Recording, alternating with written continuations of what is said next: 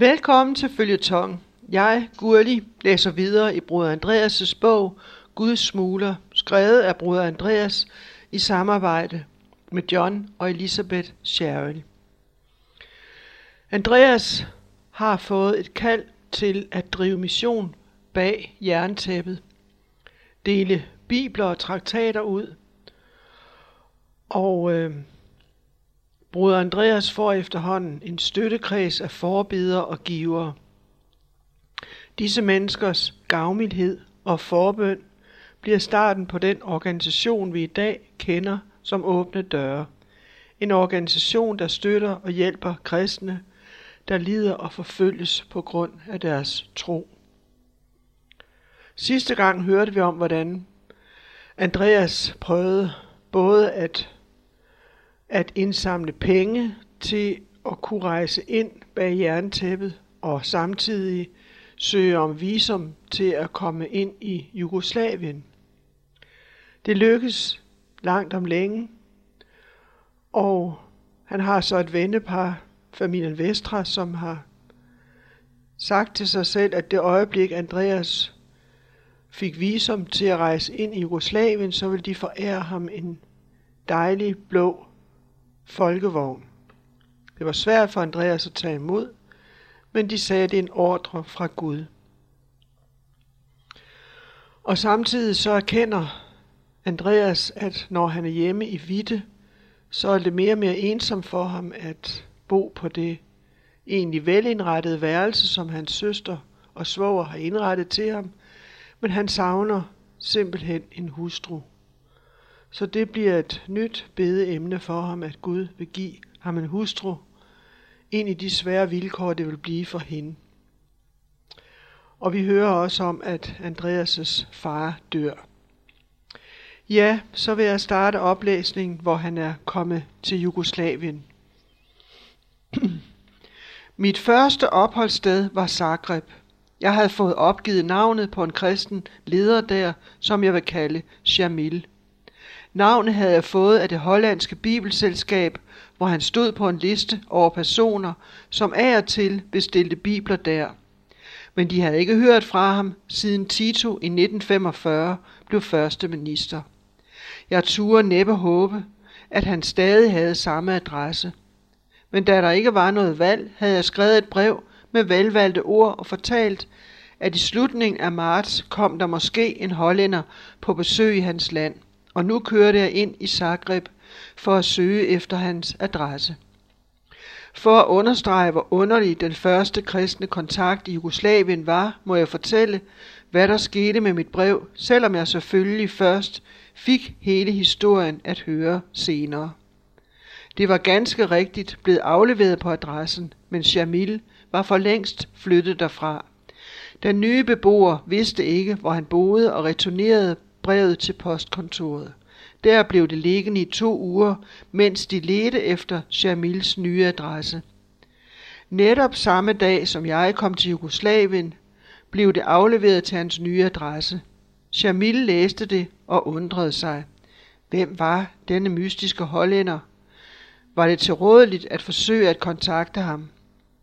Jamil havde en ubestemt følelse af, at han i alt fald burde gøre noget, og dermed tog han sporvognen hen til sin gamle lejlighed. Men hvad så? Jamil stod på fortorvet og spekulerede over, hvad han nu skulle gøre. Var hollænderen allerede kommet, og havde han gået rundt og spurgt efter en bestemt Jamil? Vågede han gå til den nye lejr med denne mistænkelige historie om, at en dag kunne en ukendt hollænder komme og spørge efter ham. Hvad skulle han gøre?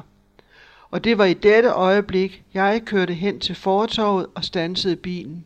Jeg stod ud ikke mere end to skridt fra Jamil, der på grund af bilens nummerplade med det samme forstod, hvem jeg var. Han greb min hånd, og vi fortalte hinanden, hvad vi havde oplevet. Jamil var jublende lykkelig over at have en kristen fra et andet land hos sig. Han gentog det, jeg først havde hørt i Polen, at selve det, at jeg var der, betød alt.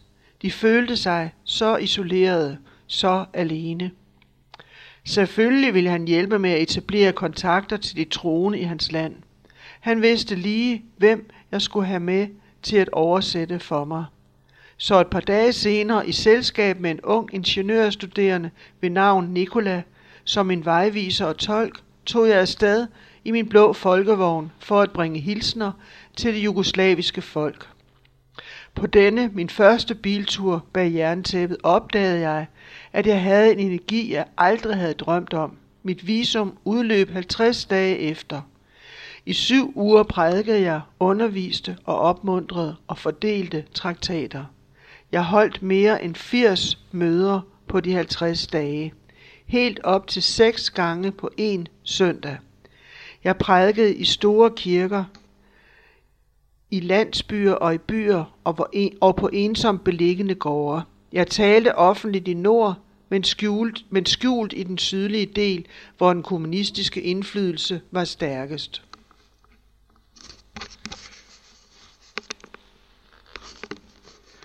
Undskyld, der var lige lidt tekniske problemer. Ved første øjeblik så det ikke ud til, at kirken i Jugoslavien var under nogen særlig forfølgelse. Jeg måtte ganske vist melde mig til politiet, før jeg skulle til et nyt distrikt, men jeg kunne besøge de troende endda i hjemmene. Kirkerne arbejdede frit. Efter et stykke tid forlod jeg påskuddet med at bringe hilsner og begyndte ganske enkelt at prædike. Ingen protesterede. Bortset fra visse områder, for det meste langs grænsen, kunne jeg rejse frit i landet, uden at nogen fra regeringen overvågede alt, hvad jeg foretog mig. Dette var en virkelig frihed, meget større, end jeg havde ventet.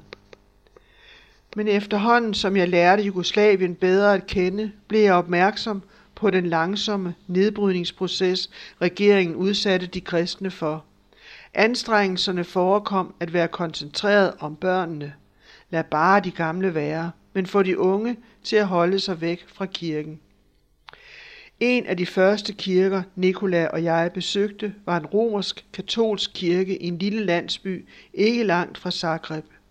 Jeg lagde mærke til, at der ikke var en eneste under 20 år i hele forsamlingen, og jeg spurgte Nikola om det. Som svar præsenterede han mig for en bondekone, som havde en 10 år gammel søn. Fortæl, bruder Andreas, hvorfor Josef ikke er her, sagde Nikola. Hvorfor Josef ikke er med mig, spurgte hun. Stemmen var bitter. Fordi jeg er en bondekone uden uddannelse. Læreren fortæller min søn, at der ikke findes nogen Gud. Regeringen fortæller ham, at der ikke findes nogen Gud. De siger til Josef, din mor siger måske noget andet, men vi ved bedre, ikke sandt? Du må huske på, at din mor ikke har nogen uddannelse. Vi lader hende i fred. Så Josef er altså ikke med mig. Selv får jeg lov til at gå i fred. Nogle få dage senere besøgte vi en kristen familie i en anden by. Der så jeg en lille pige, som legede i sandet uden for huset midt om dagen. Hvorfor er hun ikke i skole? spurgte jeg Nikola. Moren fortalte os grunden. Martha var vant til at bede bordbøn derhjemme. Da der blev spisefri kvarter på skolen, havde hun bedt højt, som hun plejede, uden at tænke på, at der var noget forkert i det. Læreren var blevet gal. Hvem har skaffet maden? Gud eller menneskene gennem deres gode indsats? Det var ondt gjort, Martha. Du fylder de andre børns sind med sludder. Men denne vane var så godt rodfæstet i pigen Martha, at hun næste dag gjorde det samme, og så blev hun bortvist.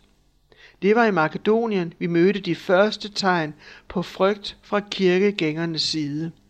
Selvom Makedonien var den fattigste af Jugoslaviens seks stater, var det også den del af landet, hvor partiet stod stærkest. Vi havde planlagt at tale for første gang i denne del af landet kl. 10 om formiddagen. Men da vi kom til kirken, var der ikke et eneste menneske.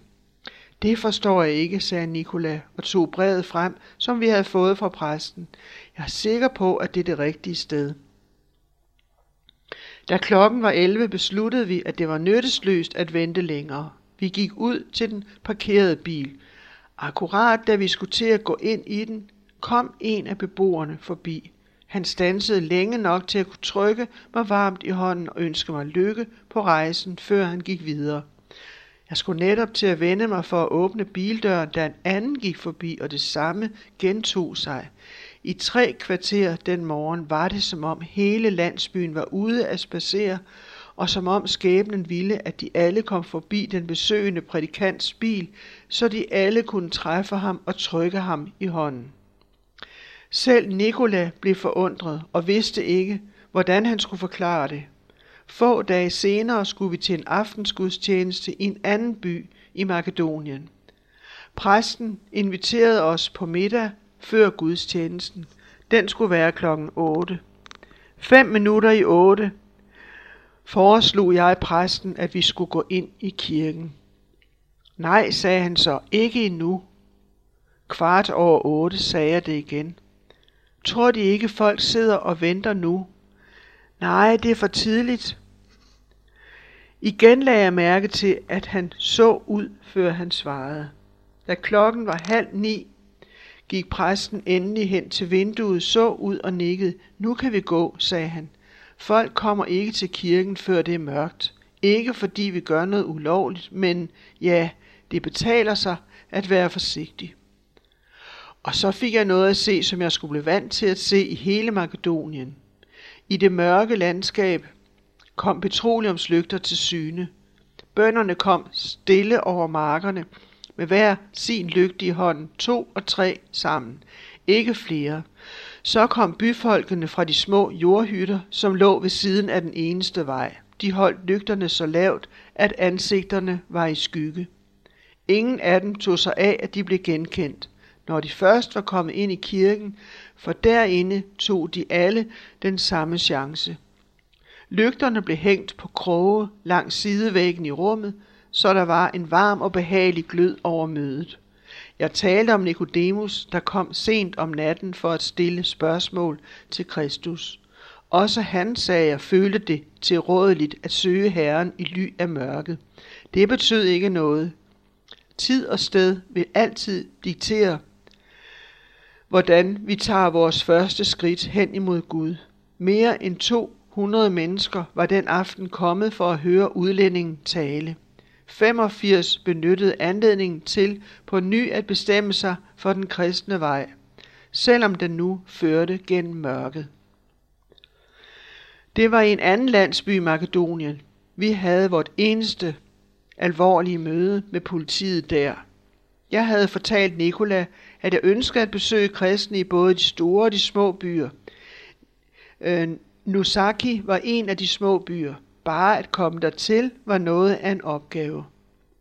Vi havde samlet en guide mere op til at navigere os gennem Makedonien, en som Nikola dårligt nok kendte. En vidunderlig kristne, en vidunderlig kristen, som alle kaldte lille onkel.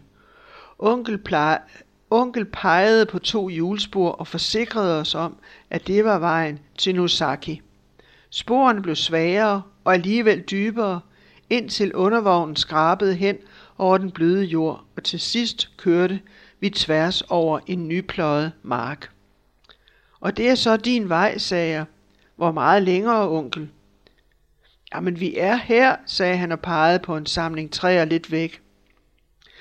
Så vi kom ud af bilen og traskede hen over marken, indtil vi kom til den lille samling mudderhytter ved navn Nusaki.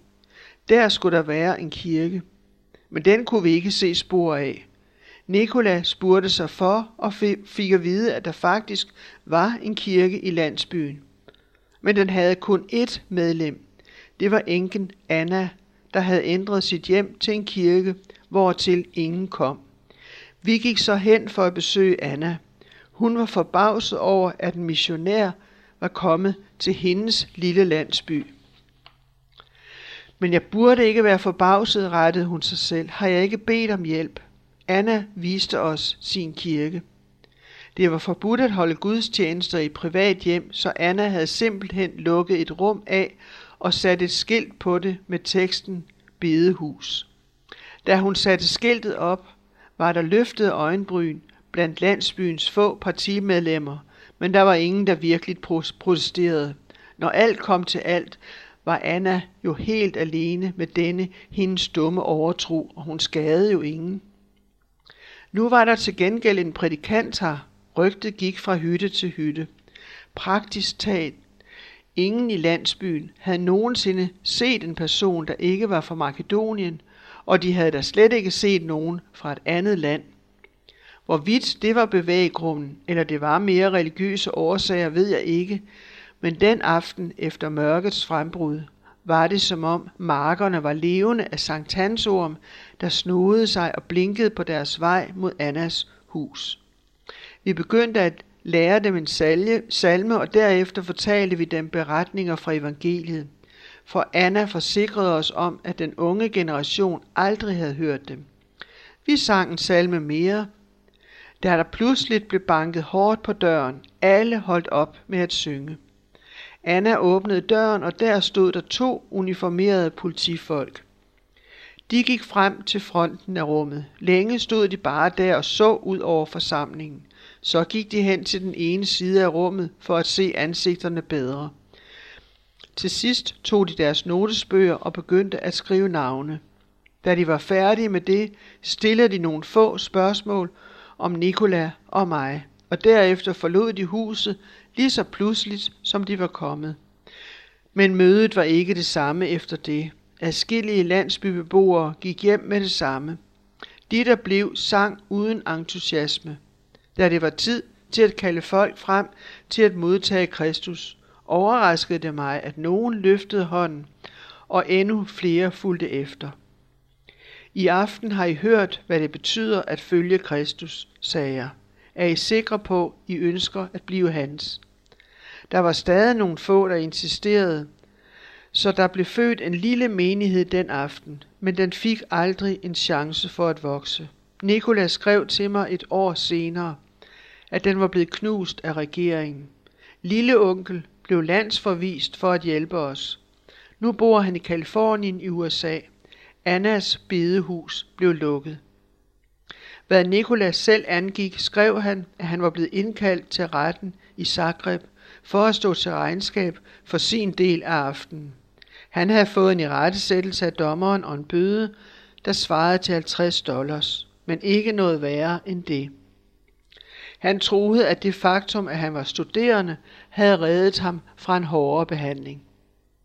Hvorfor regeringen valgte at angribe denne isolerede menighed, mens den ikke rørte andre, har hverken Nikola eller jeg nogensinde forstået. Vejen i Jugoslavien slid ekstra meget på bilen. Kørte vi ikke på voldsomme bjergveje, kæmpede vi os over floder i bunden af dybe dale.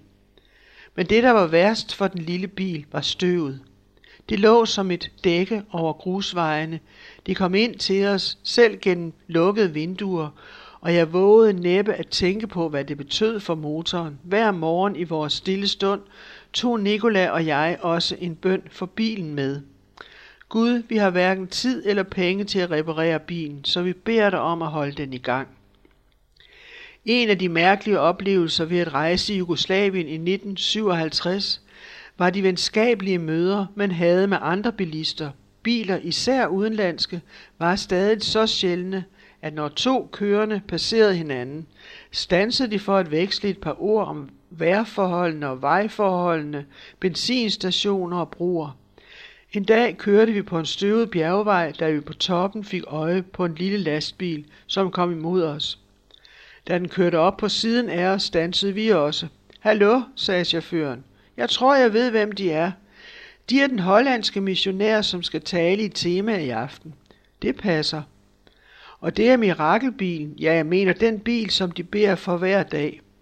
Jeg måtte le. Jeg havde nævnt bønden for bilen et sted, og det var tydeligvis rygtedes videre. Ja, indrømmede jeg, dette er bilen. Har de noget imod, at jeg ser på den? Jeg er mekaniker. Det ville jeg være glad for. Jeg havde fyldt benzin på, når det var nødvendigt, men andet var der ikke blevet gjort, siden jeg passerede grænsen. Mekanikeren åbnede motorhjelmen. Længe stod han og stirrede. Bruder Andreas, sagde han endelig, jeg er lige blevet troende. Det er teknisk umuligt for denne motor at fungere. Se selv, luftfiltret, karburatoren, bremserne. Nej, nej, den bil kan ikke køre. Og dog har den kørt i hundredvis af mil. Mekanikeren rystede på hovedet. Broder, sagde han, tillader de, at jeg renser motoren for dem og skifter olie. Jeg er ked af at se, at de misbruger et mirakel. Taknemmelig fulgte vi manden til landsbyen, hvor han boede, kun nogle få kilometer fra Tema.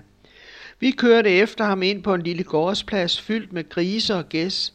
Mens vi talte den aften, skilte han motoren ad, rensede den stykke for stykke, skiftede olie og smurte den, og da vi næste dag var klar til at drage videre, præsenterede han os for en splinter ny bil. Gud havde hørt vores bøn.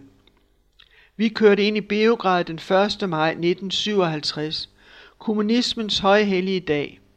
Der kunne ikke opdrives en ledig seng eller en tom stol i hele byen. Hvis ikke præsten i den kirke, hvor vi talte, havde inviteret os hjem til sig, havde Nikola og jeg måtte sove i bilen den nat. Og det var i denne kirke, vi havde den oplevelse, der har sat sit præg på mig siden. Nikola og jeg stod på platformen og så ud over den fyldte sal. Den var så fyldt, at vi ikke engang havde plads til flonellografen, som jeg brugte til at illustrere det, jeg fortalte fra Bibelen. Midt under gudstjenesten hørte vi nogen hamre, og vi så, at de havde taget en dør af hængslerne, sådan at de, der havde taget plads i sakristiet, også kunne høre. Dette var ikke den alvorlige landbefolkning, som jeg var blevet så glad for, men en intellektuel ret velklædt forsamling. Efter talen indbød Nikola og jeg dem til at komme til Kristus. Vi bad alle, som ville give sit liv til Gud, eller som ville forny en tidligere omvendelse, om at række hånden i vejret. Hver eneste hånd blev rakt i vejret. De havde altså ikke forstået det. Jeg forklarede igen, hvilket alvorligt skridt det var. Jeg gjorde omstændighederne ved at være en kristen under en hadefuld regering smerteligt klar. Og så indbød jeg for anden gang og bad nu folk om at rejse sig. Hele forsamlingen stod op igen. Jeg blev forskrækket. Jeg havde aldrig set sådan en villighed. Henført af deres iver, kastede jeg mig nu ud i en entusiastisk beskrivelse af den daglige disciplin med bøn og bibellæsning, som gør nye Guds børn til modne soldater i hans rækker. Jeg var i færd med at fremlægge den bibelstudieplan, vi havde lært ved missionsskolen, da jeg mærkede en forandring i salen. For første gang mødte den lydhøre forsamling ikke mit blik. De så på deres hænder på bænkene alle steder, undtagen på mig.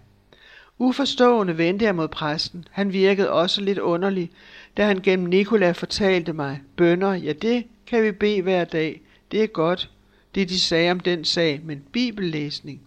Broder Andreas, de fleste af dem har ingen bibel. Jeg stirrede vantro på ham. Jeg havde vendet mig til dette i landdistrikterne, men her i det oplyste kosmo politiske Beograd. Jeg vendte mig mod forsamlingen. Hvor mange af jer har en bibel? spurgte jeg. I hele salen blev kun syv hænder rakt i vejret. Blandt dem præstens. Jeg var lamslået. For længst havde jeg givet dem fra mig, som jeg havde haft med. Hvad skulle jeg nu give, give disse, som var så ivrige efter at lære og trængte så meget til hjælp på den vanskelige vej, de havde valgt? Den, der gik modsat den, de mange millioner gik på. Sammen med præsten udarbejdede vi et system til bibelstudium, en plan med gruppearbejde, med gruppearbejde kombineret med individuel læsning. Et vist antal timer hver dag for hvert medlem. Men samme aften voksede en beslutning frem i mig. En beslutning, som er blevet tydeligere for hvert år, der er gået. Den aften lovede jeg Gud, at så ofte jeg kunne få en bibel i hånden, skulle jeg bringe den til Guds børn bag dette tæppe, som menneskene selv havde bygget. Hvordan jeg skulle få biblerne købt, og hvordan jeg skulle få dem hertil, vidste jeg ikke. Jeg vidste kun, at jeg ville tage dem med her til Jugoslavien og til Tjekkoslovakiet og til alle andre lande, hvor Gud åbnede vej længe nok til, at jeg kunne slippe igen. Nyt afsnit. Den tredje bøn. Mens jeg kørte gennem Vesteuropa på vej tilbage til Holland, prøvede jeg på at evaluere den tur, jeg netop var færdig med. Jeg havde været væk i mere end syv uger. Jeg havde rejst næsten 10.000 kilometer, holdt næsten 100 møder, fået en mængde kontakter for fremtidigt arbejde. Aller vigtigst var de flere hundrede omvendelser, jeg havde været vidne til. Nye kristne mænd, kvinder og børn, som faktisk levede i Guds rige, samtidig med, at de levede under en regering, som sagde, at der ikke fandtes nogen Gud. Hvordan ville livet nu blive for dem? Det var svært at forlade disse venner, der skulle møde belastninger og ofre, som jeg kun kunne gisne om. Hvad angår beslutningen om at skaffe dem bibler, forekom det nu en hel del vanskeligere, end det havde gjort den aften i Beograd, hvor jeg var blevet overbevist. I 1957 fandtes der, ikke, fandtes der ikke en eneste kommunistisk grænse, hvor man kunne indføre bøger, for ikke at tale om religiøse bøger. Hvordan skulle jeg få dem ind? Og når jeg først var kommet indenfor, hvordan skulle jeg så få dem delt ud, uden at bringe dem, der hjalp mig, i fare? Hvilket land trængte mest til dem? Hvilket skulle jeg besøge først? Alle disse spørgsmål for frem og tilbage i hovedet, mens jeg rullede gennem Europa stadig nærmere mit hjem. Nej, rettede jeg mig selv, ikke hjem, godt nok til Vitte, men jeg erkendte pludselig, at Vitte ikke længere var hjem for mig. Det var derfor, jeg havde kørt så langsomt, stanset så ofte, for at se på kortet og tale om afgrøden med hver bonde jeg mødte. Pludselig indså jeg, at jeg hele tiden, siden jeg drog fra Jugoslavien, havde trukket tiden ud for det uundgåelige øjeblik, hvor jeg igen skulle være alene på mit lille ungkaleværelse. Efter fars død var jeg flyttet ud af huset og ind i hans lille værelse over redskabsskuret. Det havde forekommet mig ideelt. Værelset havde egen indgang, sådan at jeg kunne gå og komme, uden at forstyrre andre i huset. Men resultatet af flytningen havde været, at jeg var blevet endnu mere ensom end før. Desuden vidste jeg, at denne ensomhed nu ville forfølge mig hele livet. Da jeg stansede for at hvile i Tyskland, tog jeg min bibel ud og så på den bagerste blad. Der havde jeg skrevet Guds hårde svar på en bøn, jeg havde bedt. Mens jeg drak kaffen, sad jeg og tænkte tilbage på den nat i Jugoslavien, da jeg havde bedt den bøn. Jeg havde også da følt mig ensom. Gud havde sagt, om et år bliver jeg 30. Du skabte en medhjælper for manden, men jeg har ikke fundet nogen. Gud, nu beder jeg dig om noget. Jeg beder dig i aften om en hustru. Jeg havde skrevet tid og sted ned for denne specielle bøn. 12. april 1997 i Nusaki. Bad om en kone. Ved siden af havde jeg gjort plads til svaret. Og fem dage senere var svaret kommet. I min stille stund vidste jeg pludselig med uhyggelig sikkerhed, at Esajas 54.1 var Guds svar til mig. Jeg bladede spændt gennem det gamle testamente og læste. Sig den forladtes børn er flere end hustruens børn. Igen og igen læste jeg ordene, forsøgte at anvende dem på mig selv og prøvede at glæde mig i Guds vilje. Jeg kunne nok føle mig ensom og forladt, men han ville give mig i gåseøjne flere børn, åndelige børn, end jeg nogensinde kunne få som kødelig far. Jeg havde skrevet svaret ved siden af bønnen. Men som jeg nu sad og drak kaffe ved siden af et bed med forårsblomster, vidste jeg, at åndelige børn ikke var alt, hvad jeg havde i tankerne. Jeg ønskede virkelig levende, støjende og lejende børn med spørgende ansigter og med træsko, der skulle repareres efter slagsmål. Frem for alt ønskede jeg mig en kone, en levende og kærlig kvinde, som kunne gøre mit liv helt i stedet for denne sammenflætning af steder og mennesker, som ikke havde hjemme nogen steder frem for en hjemrejse til ingen. Og her slutter vi for i dag og skal høre mere om alle hans overvejelser omkring en eventuelt kommende hustru. Så tak for i dag og på genhør.